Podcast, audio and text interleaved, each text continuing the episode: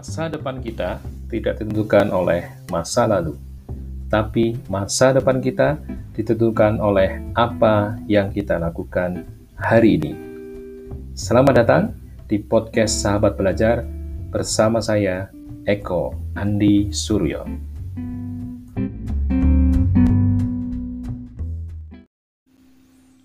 Assalamualaikum warahmatullahi wabarakatuh. Apa kabar audiens semuanya, para pendengar semuanya? Selamat datang di podcast saya kali ini. Kita akan berbicara tentang sesuatu yang kemudian saat ini kita hadapi bersama. Sekali lagi yaitu pandemi. Mungkin sekitar sudah satu tahun lebih kita menghadapinya bersama. Nah, sahabatku sekalian, ada satu hal yang kemudian muncul dan istilah ini sering dipakai oleh orang untuk kemudian menggambarkan pandemi ini, yaitu VUCA. VUCA ini adalah akronim yang berasal dari empat kata. Yang pertama adalah volatility, yang artinya adalah lebih kepada hal yang kemudian unpredictable dan tidak stabil begitu.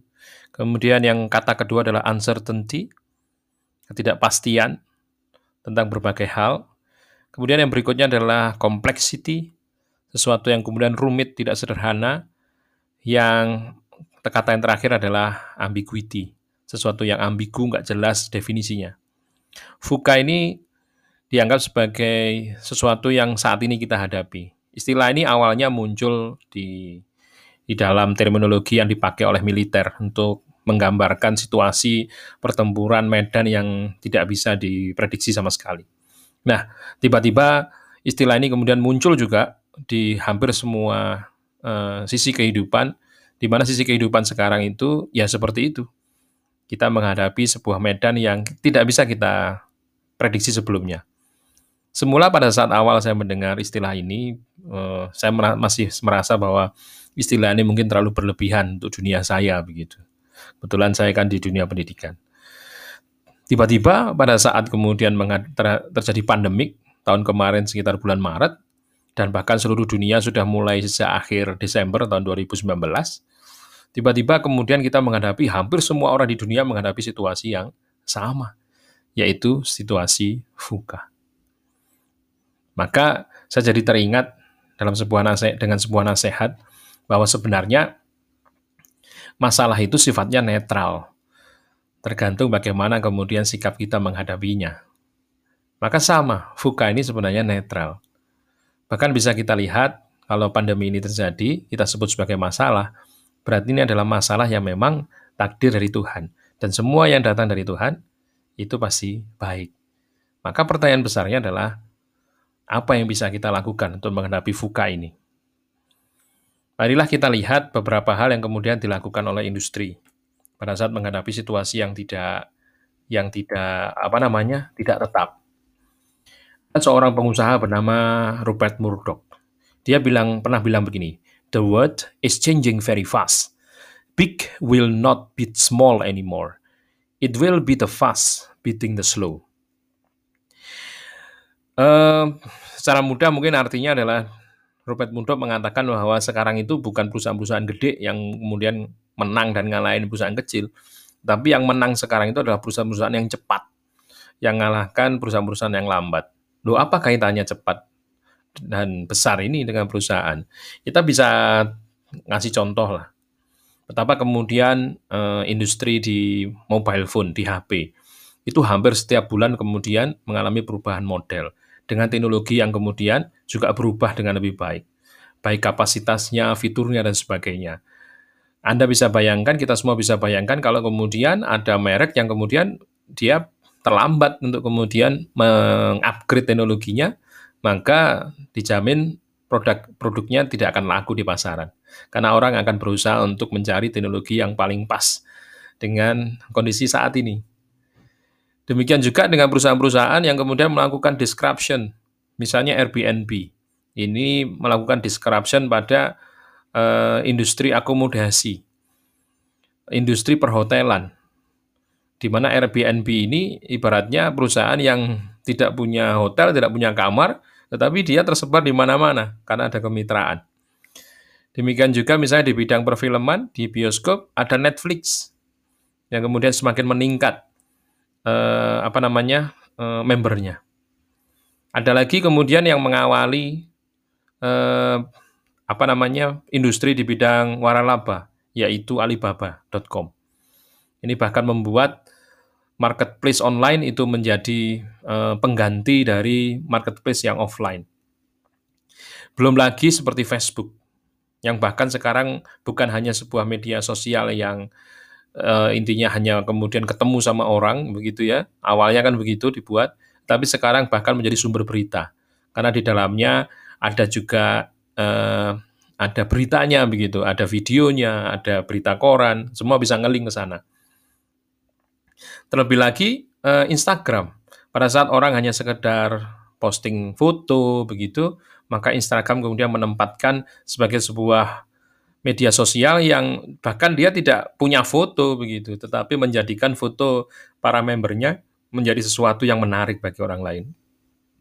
Apalagi kemudian seperti perusahaan Gojek, Uber yang melakukan disruption di dunia transportasi.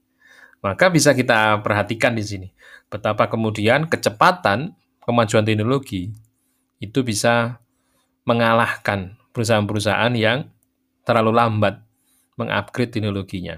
Nah, pada saat kita berbicara teknologi, mau tidak mau, pasti kita akan bersentuhan dengan aset yang paling utama dari perusahaan, yaitu sumber daya manusia. Karena tadi saya sebutkan sifat dari problem itu adalah netral, maka tergantung sikap dari perusahaan itu pada saat menghadapi problem. Nah, padahal yang bisa bersikap itu sebenarnya bukan perusahaan, bukan perusahaan, sebuah organisasi. Sebenarnya yang bisa bersikap itu adalah sumber daya manusianya. Kita masih ingat sebuah kisah sedih pada saat CEO Nokia mengumumkan penutupan pabriknya. Apa yang kemudian dia katakan di akhir kata penutupannya? Dia bilang begini, "We didn't do anything wrong, but somehow we lost." Jadi seorang CEO yang kemudian mengatakan di akhir pidato penutupan pabriknya menunjukkan bahwa sampai di titik itu pun beliau belum mengetahui apa sih salahnya. Dan ini yang kemudian kita sebut sebagai sikap. Ya semoga sikap ini kemudian tidak kemudian berhenti di situ saja dan saya yakin karena saya lihat juga sekarang perusahaan ini juga sudah mulai bangkit begitu. Karena sikap seperti ini kalau kemudian diteruskan menjadi sikap yang menyerah maka hampir bisa dipastikan perusahaannya pasti akan tutup. Tapi kalau kemudian ini sebagai sebuah lecutan untuk kemudian mencari solusinya, maka bukan tidak mungkin akan membuat perusahaan ini menjadi lompat menjadi besar. Maka para pendengar, eh, sahabat belajar semuanya, perubahan ini mau tidak mau pasti kita hadapi. Istilahnya sekarang pada saat pandemi nggak nggak nggak bisa lah kita kemudian menolaknya. Jadi teringat dengan kata-kata yang disampaikan oleh Heraklitus, seorang uh, filsuf Yunani, dia mengatakan begini, beratus-ratus tahun yang lalu, change is the only constant. Hanya perubahan yang tetap di dunia ini. Artinya semuanya berubah. Pada saat semuanya berubah, mau tidak mau kita akan menghadapi perubahan itu. Dari perubahan itu. Itu ibaratnya begini ibaratnya. Pada saat kemudian kita misalnya melakukan perjalanan nih, dan kita naik mobil. Nah, pada satu titik kita terpaksa berhenti. Kenapa? Karena di depan kita itu jalannya kondisinya sangat buruk, off-road begitu. E, jalannya itu becek, kemudian penuh lumpur, dan ya langsung tanah begitu. Tanahnya tanah lunak lagi. Nah, Anda bisa bayangkan kalau kondisi seperti itu ada di depan kita pada saat kita naik mobil. Maka ada beberapa pilihan sebenarnya pada saat kita menghadapi situasi tersebut. Pilihan pertama adalah kita menunggu jalan tersebut di aspal gitu. Jalan itu diaspal oleh pemerintah daerah atau kemudian ada orang kaya yang kemudian membiayai pengaspalan jalan itu begitu. Dan dan ini sih oke okay saja kita menunggu. Tetapi tetapi yang harus kita ingat kalau pilihan pertama ini yang kita ambil maka kita harus siap menunggu proyek itu berjalan dan itu butuh waktu lama. Yang kedua, pasti kita harus berhenti dan berhenti cukup lama dan yang ketiga, ini tergantung dari orang lain yang kadang-kadang tidak bisa kita kendalikan. Nah, sahabat belajar semuanya, maka sebenarnya ada pilihan yang kedua. Apa itu? Pilihan keduanya adalah mobil kita yang kita upgrade. Mesinnya kita gedein, bannya kita gedein, kemudian shockbreakernya kita tingkatkan kemampuannya, sehingga apa pun jalan yang ada di depan kita, kita libas. Mau off-road kayak, mau berbatu kayak, begitu. Dan ini membuat akhirnya kita menjadi seorang, apa namanya, eh, pengendara dengan mobil yang sangat powerful, dan kita menjadi siap ke mana saja. Nah, mobil ini ibarat diri kita maka kita harus meningkatkan kapasitas kita, meningkatkan kemampuan kita, meningkatkan eh, apa namanya eh, keterampilan dan skill yang kita miliki, sehingga apa pun kondisi yang kita hadapi di depan nanti pada saat kita menjalani karir, kita menjadi siap. Kenapa? Karena kita sudah memiliki kapasitasnya, memiliki kapasitasnya. John Naisbitt dalam salah satu bukunya dia mengatakan begini, di era yang kemudian sangat dinamis seperti ini, sebenarnya tidak ada skill yang bisa kita andalkan untuk kemudian bisa memastikan bahwa kita akan menjalani masa depan dengan sebagaimana kemudian kita pikirkan. Maka situasi ini yang kemudian membuat satu-satunya skill yang harus kita miliki untuk menghadapi situasi yang sangat dinamis ini adalah skill yang kita sebut sebagai learn how to learn. Belajar bagaimana kita belajar. Dan ini tentu saja masuk akal para sahabatku sekalian. Pada saat kemudian kita siap belajar menghadapi segala sesuatu, maka sebenarnya ibarat mobil kita siap di-upgrade kapasitasnya untuk kemudian menghadapi semua kondisi jalan. Nah, yang menarik adalah kadangkala dan kebanyakan dari kita gitu yang kita pilih itu bukan option satu, bukan option dua.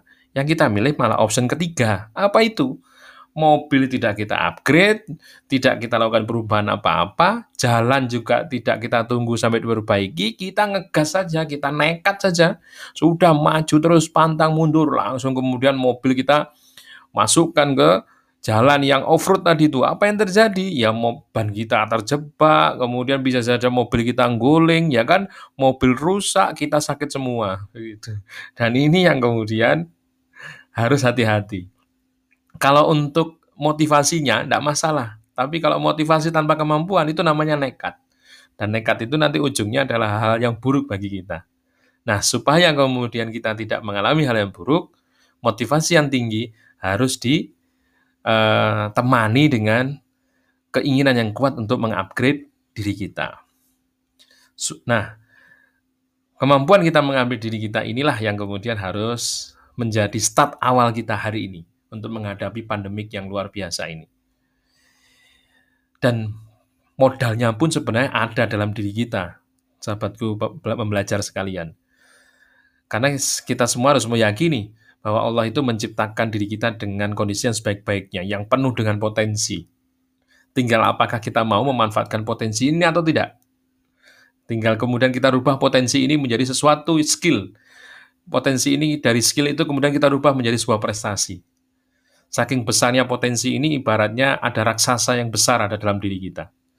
Tinggal sekarang tugas kita adalah membangunkan raksasa tidur itu. Awaken the giant within. Maka sahabatku sekalian, hari ini kita niatkan untuk kemudian mengupgrade diri kita, membangkitkan raksasa tidur yang ada dalam diri kita. Menjadikan diri kita menjadi the best version. Baik, itu saja yang bisa kita uh, obrolkan di hari ini. Kita akan ketemu di seri-seri berikutnya. Kita akan membahas pertanyaan berikutnya adalah bagaimana sih cara-cara yang efektif untuk membangkitkan atau menumbuhkan kapasitas diri kita. Terima kasih. Bersama saya Eko Andi Suryo, sampai ketemu di waktu yang lain. Wassalamualaikum warahmatullahi wabarakatuh.